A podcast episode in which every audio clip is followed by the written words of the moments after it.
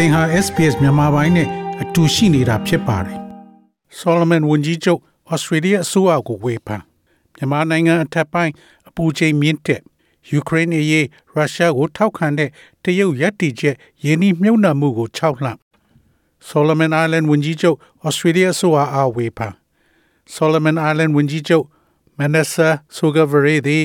AUKUS မဟာမိတ်အဖွဲ့သို့မဝင်ရမီ Pacific နိုင်ငံနဲ့မတိုင်ပင်တဲ့အတွက် Australia အစိုးရအားဝေဖန်လိုက်ပါတယ်။ AUKUS သည် Australia, UK နှင့် American တို့ကြားလုံခြုံရေးသဘောတူညီချက်တစ်ခုဖြစ်ပါတယ်။ Solomon Island Parliament ရှေ့တွင်၎င်းကပြောကြားတွင် Australia သည်နျူကလ িয়ার ရေငုပ်သင်္ဘောများနှင့်ပတ်သက်တဲ့လုံခြုံရေးသဘောတူညီချက်အသစ်ကိုလက်မှတ်ရေးထိုးခဲ့ပြီး Solomon နိုင်ငံအားကြိုတင်သတိပေးခြင်းမရှိကြောင်း Mr. Sogavare ကပြောကြားပါတယ်။ သူက AUKUS စာချုပ်ကိုမီဒီယာမှာသာသိခဲ့ရတယ်လို့ပြောပါတယ်။ Pacific ရေပိုင်တဲ့အတွင်းနျူကလ িয়ার ရေငုပ်သင်္ဘောများကိုခွင့်ပြုခြင်းဖြင့် Pacific ဒေသတွင်းရှိအဖွဲ့နိုင်ငံများအနေနဲ့ဒီ AUKUS စာချုပ်သည်ပွင့်လင်းမြင်သာမှုရှိစေရန်တိုင်ပင်ဆွေးနွေးသင့်တယ်လို့ထင်ပါတယ်။မြန်မာနိုင်ငံအထက်ပိုင်းအပူချိန်မြင့်တက်ထူးခြားတဲ့နေပူချိန်တွေအဖြစ်သတင်းထုတ်ပြန်ထားတာမှာမြင်းကြံ6 ဂန်းကောစတဲ့မြို့တွေမှာနေဘက်အပူချိန်44 degree centigrade မင်းကင်းမုံရွာမြင်းမှုစတဲ့စကိုင်းတိုင်းကမြို့တွေနဲ့မကွေးမြို့ဘောလခဲမြို့တွေမှာ43 degree centigrade အထိပူပြင်းတယ်လို့မိုးလေဝသဌာနကပြောဆိုပါတယ်။မုံရွာမြို့အနောက်ဘက်တောင်ဘက်မှာတည်ရှိတဲ့မြို့နယ်ထဲမှာဆိုရင်လေရာသီဥတုပူပြင်းလွန်းတဲ့အတွက် မြေချောင်းတွေမှာရေနည်းပါလာလို့တောက်သုံးရေခက်ခဲပြီးစစ်ဘေးရှောင်နေတဲ့တက်ကြီးရွယ်အိုတွေထဲသေဆုံးတာတွေရှိတယ်လို့ပလဲဒေတာခန်တူကပြောဆိုပါတယ်။ဝေဝေးလန်းလန်းသွားရေခတ်ရတာရှိတာဟိုလိုလုံးလုံးတော့လောလောဆယ်မပြတ်သေးဘူး။နည်းနည်းဝေးတဲ့စီချောင်းတွေဘက်ကိုသွားခတ်ရတယ်။နည်းနည်းရေကရာသီဥတုတော်တော်ပြင်းတဲ့အတွက်ကြောင့်ရေကတော်တော်လေးခန်းချောက်နေတယ်။အဲဒါဆိုတော့ချောင်းတွေကလည်းရေကတော်တော်နည်းနေပြီ။ အဲ့ဒါနဲ့တော်တော်လေးတက်ကြီးရွယ်တွေကဖျားနာတဲ့အဆင့်ကိုမဟုတ်တော့ဘူးတော်တော်အရွယ်ကြီးတဲ့သူတွေကနေရတာကိုနေပူတန်းခံရတာကိုအဲ့ဒါကတည်တဲ့အထိအဆင့်တွေကိုရှိတယ်လို့ပြောဆိုသွားပါတယ်။တုံကန်ဂျေးရွာဟာပလဲမြို့နယ်နော်ယူဂျေးရွာအုပ်စုထဲမှာပါဝင်ပြီးတုံကန်နှောယူစတဲ့ဂျေးရွာတွေကို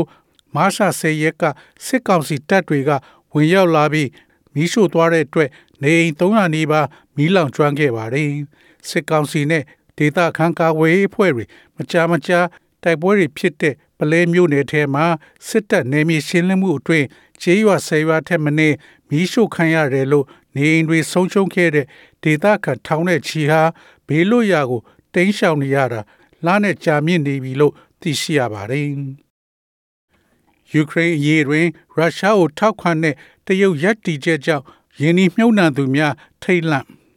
ယူကရိန်းအရေးတွင်ရုရှားစစ်ဆင်ရေးကိုတရုတ်ကထောက်ခံနေသည့်အပြင်တိုင်ဝမ်ကိုလည်းကျူးကျော်လာနိုင်သည်ဆိုသော ထင်ကြေးများကြောင့်မကြသေးမီလာများအတွင်းနိုင်ငံခြားရင်းနှီးမြှုပ်နှံသူများကတရုတ်အစိုးရရဲ့ငွေတိုက်စာချုပ်များကို ဖြစ်တဲ့နည်းဖြင့်ထုတ်ရောင်းချနေမှုနဲ့အတူတရုတ်နိုင်ငံမှမမျော်လင့်ပဲအလုံးအရင်းနဲ့ထွက်ခွာမှုများလှုံ့ဆော်လာနေကြပါတယ်။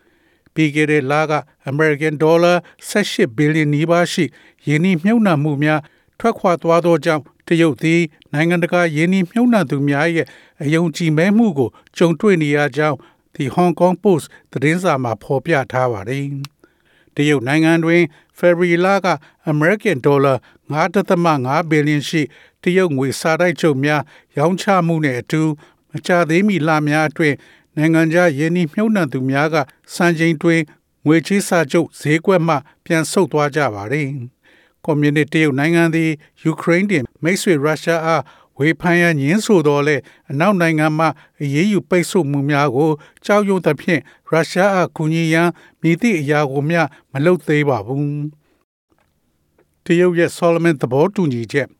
တရုတ်နဲ့ Solomon သဘောတူညီချက်ချိန်ညာချိန်သည်ရွေးကောက်ပွဲတွင် ဝင်ရောက်ဆွတ်ဖက်မှုပုံစံဖြစ်တယ်လို့ဝန်ကြီးချုပ် Scott Morrison ကတုံ့ပြန်ပြောဆိုပါတယ်။ရွေးကောက်ပွဲကိုဝင်ရောက်ဆွဖက်တယ်လို့တရုတ်နိုင်ငံမှဆွဆွဲထားသောပြည်ထောင်စုဝန်ကြီး Karen Andrews ရဲ့မှတ်ချက်ကို ရှင်းလင်းပေးရန်ဝန်ကြီးချုပ်အားတောင်းဆိုထားပါတယ်။ Mr. Andrews သည် Federal ရွေးကောက်ပွဲမဲဆွယ်စည်းရုံးမှုတွင်ပါဝင်ရန် Solomon ကျွန်းစုများနှင့်သဘောတူညီချက်ကို တရုတ်ကအချိန်ဆွဲရန်အကြံပြုထားတယ်လို့ဆိုပါတယ်။ Australia တွင်အကာအကွယ်များရှိကြောင်း Scott Morrison ကပြောဆိုပါတယ်။ဒီနိုင်ငံမှာတရုတ်အစိုးရရဲ့ဩဇာလွှမ်းမှုကိုကျွန်တော်တို့သဘောပေါက်ပါတယ်။တကယ်တော့တားဆီးဖို့ဥပဒေတွေထုတ်ထားပါတယ်။ဒါကြောင့်တရုတ်အစိုးရကဝေမစွတ်ဖက်ဖို့အကြံပြုချက်မှန်သမျှကိုဩစတြေးလျမှာ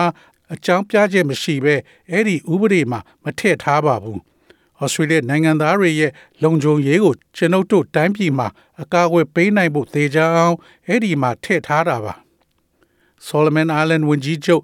မာနူစီဆော့အဗာရီသည်ဩစတြေးလျသည်လူကောင်းရောင်ဆောင်နေခြင်းဟုဆွဆွဲလိုက်တဲ့အချိန်မှာထွက်ပေါ်လာတာဖြစ်ပါတယ်။ရိုဟင်ဂျာအရေးလှုပ်ရှားသူဒေါက်တာဝါကာဦးဒင်ကွယ်လွန်ရိုဟင်ဂျာအရေးနဲ့ပတ်သက်လို့ တက်ကြွစွာလှုပ်ရှားဆောင်ရွက်ခဲ့သူတဦးဖြစ်တဲ့ Arakan Rohingya Union ရဲ့ဥက္ကဋ္ဌဒေါက်တာဝါကာဦးဒင်ဟာ American ရှေ့ဘက်ခြမ်း Maryland ပြည်နယ်ဘယ်တီမိုမြို့ John Hopkins တက္ကသိုလ်ဆေးရုံမှာဆေးကုသခံယူနေရင်ဧပြီလ29ရက်တောက်ကြနေ့မနေ့7နာရီကကွယ်လွန်သွားကြောင်းညီဖြစ်သူ Riza Arden ရဲ့ Facebook စာမျက်နှာမှာသတင်းထုတ်ပြန်ထားပါတယ်။ရိုဟင်ဂျာခေါင်းဆောင်တဦးဖြစ်တဲ့ဒေါက်တာ ဝါကာဦးဒင်အခုလိုကွယ်လွန်ခြင်းဟာဆုံးရှုံးမှုတစ်ရပ်ဖြစ်တယ်လို့လန်ဒန်ရှေ့ဆိုင် Burmese Rohingya Organization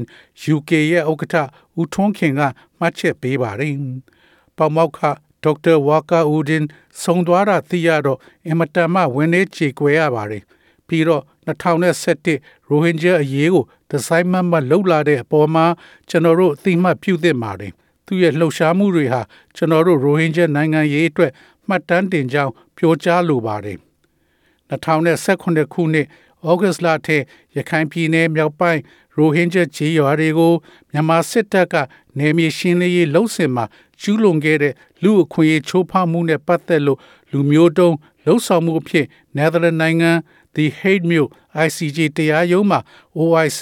Islamic နိုင်ငံများပူးပေါင်းဆောင်ရွက်ရေးအဖွဲ့ကိုယ်စားလှယ်ဂမ်ဘီယာနိုင်ငံကအမှုဖွင့်တရားစွဲရမှာ ဒေါက်တာဝါကာဦးဒင်ကဂမ်ဘီယာနိုင်ငံတရားရေးအကျိုးဆောင်ဖွဲ့ဖြင့်ကူညီဆောင်ရွက်ခဲ့ပါတယ်။ကဘာကြီးပူနွေးလာမှုကြောင့် virus ပိုးသစ်တွေနဲ့ကူးစက်ရောဂါတွေတိုးပွားနိုင်ကဘာကြီးပူနွေးလာပြီးဥတုရာသီပြောင်းလဲမှုကြောင့်လာမယ့်2090မှာတရဝမျိုးစိတ်တွေကြား virus ပိုးအသစ် ထောင်နဲ့ချီပေါ်ပေါက်လာနိုင်သလိုဒါဟာတရိတ်ဆန်တွေကနေလူသားတွေစီကူးစက်တဲ့ယောဂတွေလည်းတိုးလာမယ့်အန္တရာယ်ရှိတာပြနေတယ်လို့သိပ္ပံပညာရှင်တွေလေးလာတွေ့ရှိရကြောင်းဂျာသာပဒေနေ့ထုတ် The Nature သိပ္ပံ Journal မှာဖော်ပြထားပါတယ်။အထူးသဖြင့်အာရှနဲ့အာဖရိကတိုက်တွေမှာဖြစ်လာနိုင်တယ်လို့ဆိုပါတယ်။ဒီဒေသတွေဟာလွန်ခဲ့တဲ့ဆယ်စုနှစ်တွေအတွင်း တုတ်ကွေး HIV,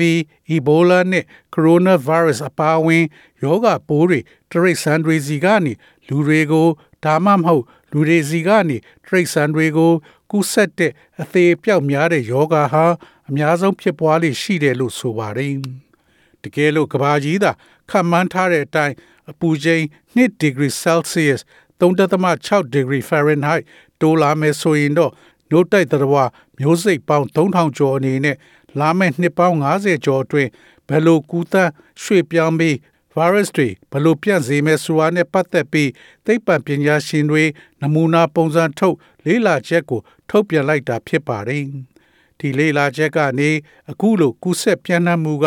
နို့တိုက်သရဝါတွေကြားမှာတင်အစ4000ကျော်ဖြစ်ပွားနိုင်တာကို တွေ့ခဲ့ရပါတယ်။ငှက်မျိုးစိတ်တွေနဲ့ရေနေသတ္တဝါတွေကိုတော့လေ့လာချက်မှာထည့်သွင်းမထားပါဘူး။ virus ပိုးအလုံးကတော့လူသားတွေစီကကူးစက်ပြန့်ပွားတာဒါမှမဟုတ် coronavirus တို့ကယောဂအသွင်ဖြစ်လာတာမျိုးမတွေ့ရပေမဲ့မျိုးစိတ်တွေတစ်ခုနဲ့တစ်ခုကြားကူးစက်တဲ့ virus အရေးအတွက်များလာပြီးလူသားတွေစီပြန့်နှံ့မှုတိုးလာမဲ့အနေရှိနေကြောင်းသူတေသနပညာရှင်တွေက ပြောဆိုပါတယ်။ရွေးကောက်ပွဲနဲ့ပတ်သက်လို့စေဝါကုန်ကြစည်ကိုတင်ပြဝန်ကြီးချုပ် Scott Morrison သည်မကြာသေးမီက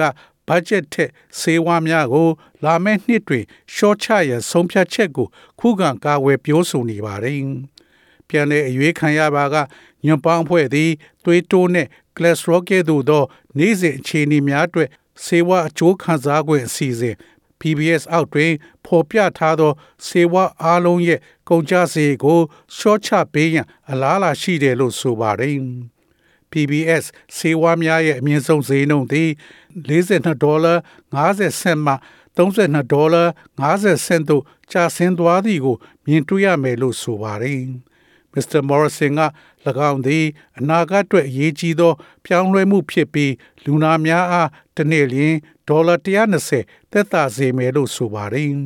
။တင်မထိန်ချုပ်နိုင်တဲ့အရာတွေအများကြီးရှိတယ်။ဥရောပမှာစစ်ပွဲကိုတင်မထိန်ချုပ်နိုင်ပါဘူး။ တဘာဝဘေးအန္တရာယ်ကိုတင်မထိန်ချုပ်နိုင်ပါဘူး။ကာယောဂါရှိမရှိကိုတင်မထိန်ချုပ်နိုင်ပါဘူး။အေရာအားလုံးသည်ဩစတြေးလျလူမျိုးများနေ့စဉ်ဘေးဆောင်နေတဲ့ဈေးနှုန်းများအပေါ်တက်ရောက်မှုရှိပါတယ်။ဒါပေမဲ့တင်လုံနိုင်တာကကျွန်ုပ်တို့လုံနေပါတယ်။ဘတ်ဂျက်မှာလောက်ခဲ့သလိုပဲသက်သာရာရနိုင်ပါတယ်။ဤဆေးများသုံးဆွဲနေသူများအားကူညီရန် safety net အားပုံမရဲရောစွာပြုလုပ်နိုင်ပါတယ်။ script တစ်ခုစီတိုင်းတွင်ဤလိုက်လျောညီထွေမဟုတ်သော ပေးချေမှုကို10ဒေါ်လာရှော့ချနိုင်ပါတယ် SPS မြန်မာပိုင်းကို Facebook ပေါ်မှာ like ရှာပြီး like မျှဝေမှတ်ချက်ပေးပါ